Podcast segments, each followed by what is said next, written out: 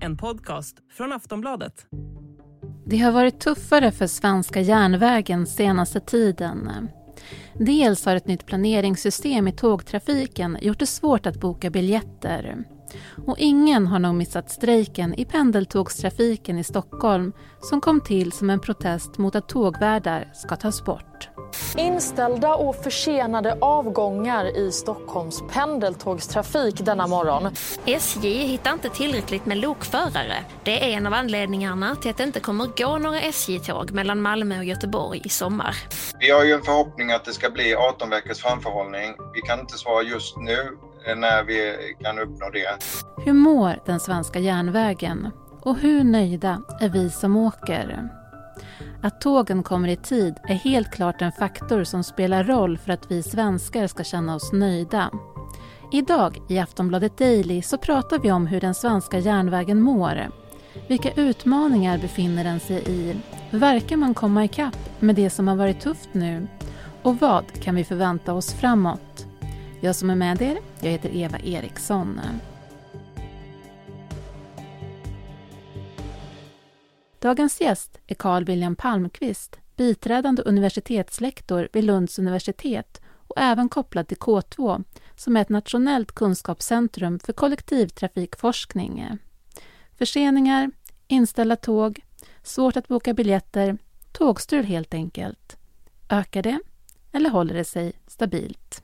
Ja, det går upp och ner lite grann. Eh, så just nu så det, har det kanske ökat lite de senaste månaderna och så. Men om man tittar eh, ett decennium eller två tillbaka så är det på en hyfsat konstant nivå.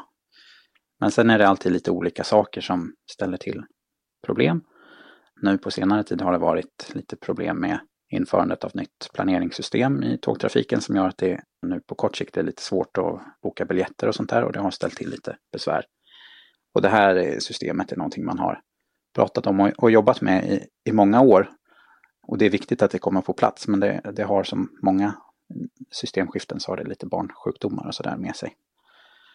Och sen har vi haft lite problem med eh, förarbrist och eh, ja, allmänt personalbrist och eh, en del ja, infrastrukturfel på senare tiden som har kommit och klumpat ihop sig lite så att det här har ökat lite i medvetandet de senaste månaderna.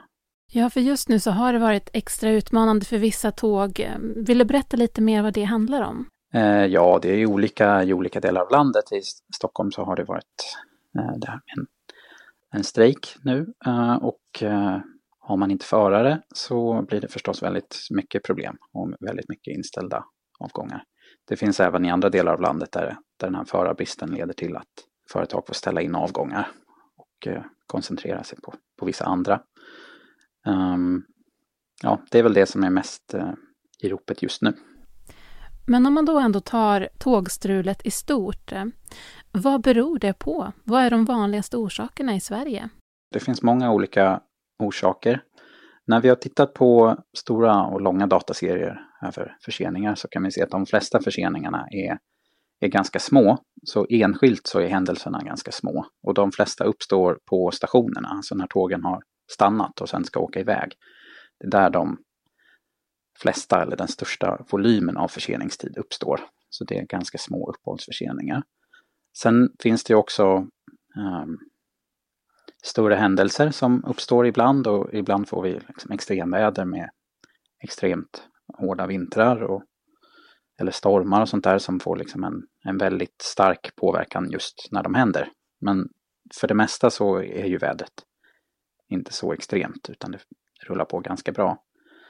Sen är järnvägen ett komplext system med mycket komplicerad infrastruktur och, och, många komplicerade fordon och det finns många delar som kan gå sönder och, och också går sönder på olika sätt ibland. Och sen så krävs det mycket personal och det är ganska komplicerade omlopp.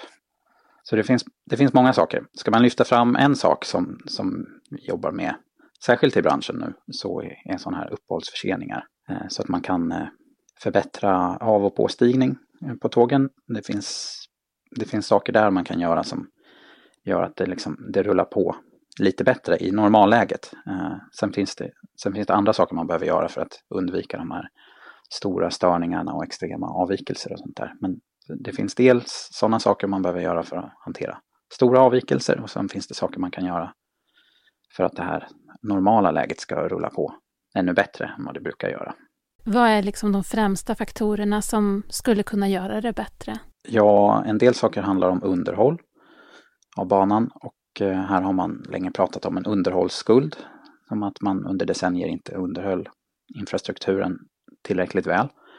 Och det har lett till, till att skicket på banan inte alltid är så bra. Det här har man börjat, det här har man tagit tag i ordentligt nu så att man satsar ganska mycket pengar på att underhålla och få upp standarden på infrastrukturen. Men, men det tar tid och det är svårt att få plats, få både tid och plats för att göra de här åtgärderna. Och, och sen samtidigt när man gör de här åtgärderna och gör banarbetena så finns det en risk att de åtgärderna i sig stör trafiken. Vi vill inte ställa ner, stänga av trafiken helt och hållet, för det skulle få för stora konsekvenser. Så när man ska både underhålla och köra trafik samtidigt så ställer det till en del besvär. Sen andra saker som man eh, gör och eh, kan göra handlar om eh, ja, relativt enkla saker vid, vid stationer. Så i Lund, på Lund central så håller vi på Lunds universitet nu tillsammans med Skånetrafiken och Öresundstågen och Trafikverket på att göra experiment med, med en typ av klistermärken som man har på plattformarna som visar var dörrarna kommer vara. Och tanken är att det här ska hjälpa till att sprida ut resenärerna bättre på plattformen så att det är att man använder fler av dörrarna så att det inte blir liksom stora ansamlingar vid vissa dörrar. För det, det är ofta det som tar tid. Just det att man blir mer effektiv när folk ska gå av och på tåg. Det kan göra en stor skillnad för, för slutresultatet. Det kan synas som ganska små saker. Men i det stora hela så gör det faktiskt ganska stor skillnad. Så om de här små momenten och, och tåg stannar ju vid väldigt många stationer och det finns många sådana här uppehåll så om man får dem att funka lite bättre varje gång så blir den samlade nyttan betydligt större. Och det är också dels för att de händer ofta men också för att vi kör mycket tåg nu och eh, så fort ett tåg blir lite sent, även om det bara är lite grann, så finns det en stor risk att det påverkar tåget som är bakom och det tåget som är bakom det och, och så. Och att förseningarna fortplantar sig väldigt snabbt genom systemet och växer. Så om man kan få bort de här små avvikelserna i början så så kan det ha liksom större nytta än vad man kanske först skulle tro. Vi ska strax prata mer med Carl William Palmqvist.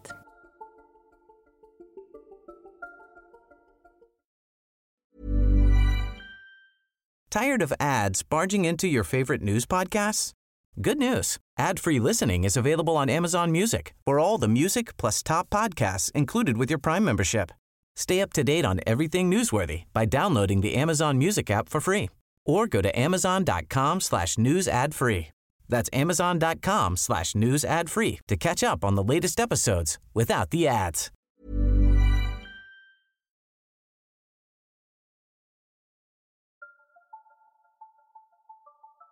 Sen någonting som det pratas om återkommande, det är bristen på förare. Börjar man komma ikapp där eller hur, vad görs för att komma ikapp där? Ja, det kan man säga att eh, förarbrist är ett problem nu och har varit ett problem och ett problem runt om. Och det är inte så konstigt för att vi vill ständigt köra mer och mer tåg och då behöver man mer och mer förare.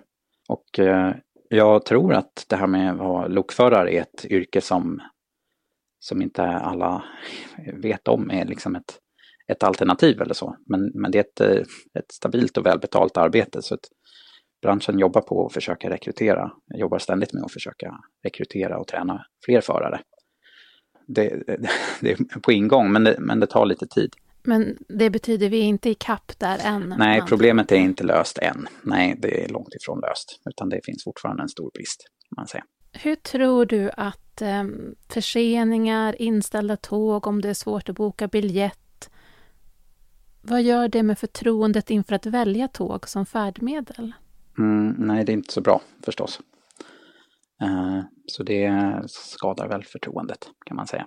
Sen är det inte en, alltså till, till viss mån så har det väl varit så länge eh, på olika nivåer. Men ja, nej, det går upp och ner och, och det, det märks i resandet också, att förtroendet går upp och ner lite grann.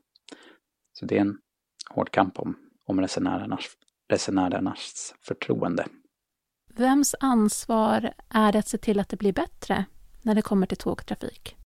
Eh, ja, det är ett delat ansvar i branschen kan man säga. Trafikverket eh, är en stor aktör och ansvarar för infrastrukturen och tidtabellsplanering och ja, liksom en stor del av ansvaret. Sen finns det många olika järnvägsoperatörer som, eh, som bedriver trafiken och de har förstås ett ansvar och sen har, har väl de här regionala kollektivtrafikmyndigheterna, så Stockholms län och Region Skåne och Västra Götaland och, och regionerna har ju ett väldigt stort ansvar också. Så det, det, finns flera olika aktörer.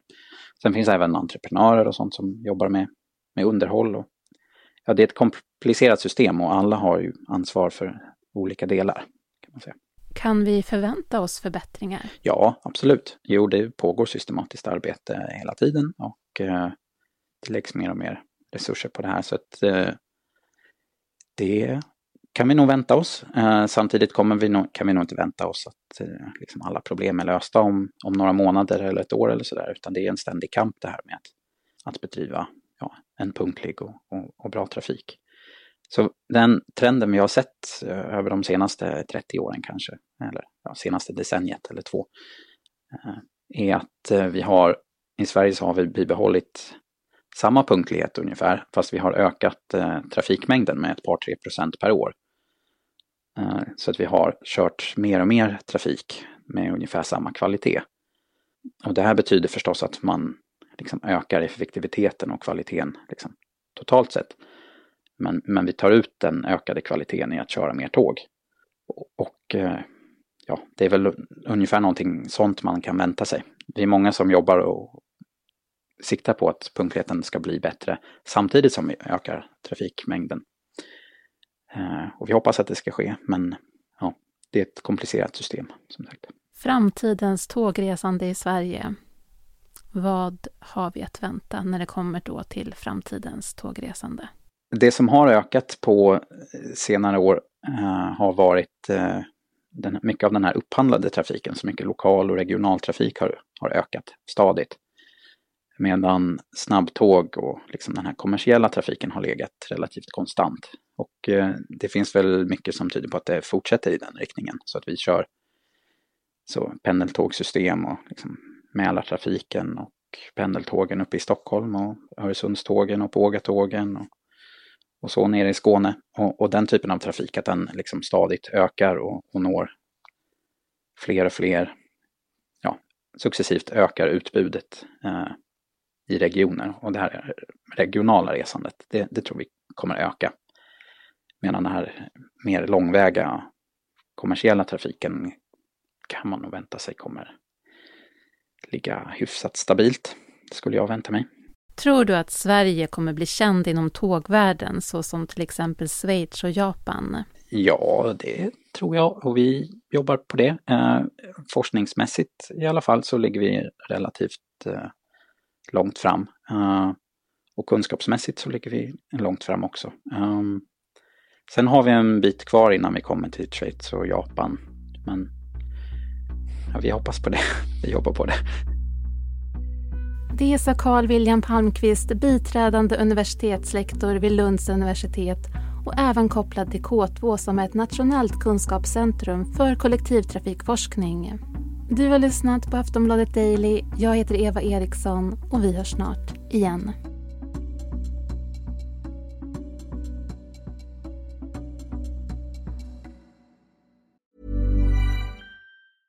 Hej, jag Ryan Reynolds. På Mint Mobile, we like to do opposite of vad Big Wireless gör. De laddar you mycket we charge you a little. So naturally, when they announced they'd be raising their prices due to inflation, we decided to deflate our prices due to not hating you. That's right. We're cutting the price of Mint Unlimited from $30 a month to just $15 a month. Give it a try at mintmobile.com slash switch. $45 up front for three months plus taxes and fees. Promo for new customers for limited time. Unlimited more than 40 gigabytes per month. Slows. Full terms at mintmobile.com.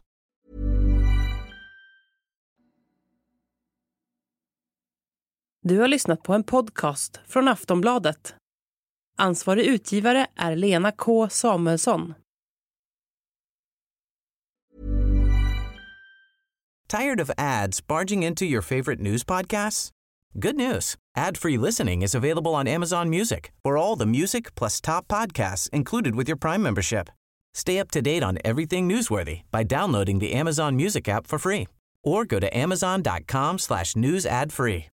That's amazon.com slash news ad free to catch up on the latest episodes without the ads.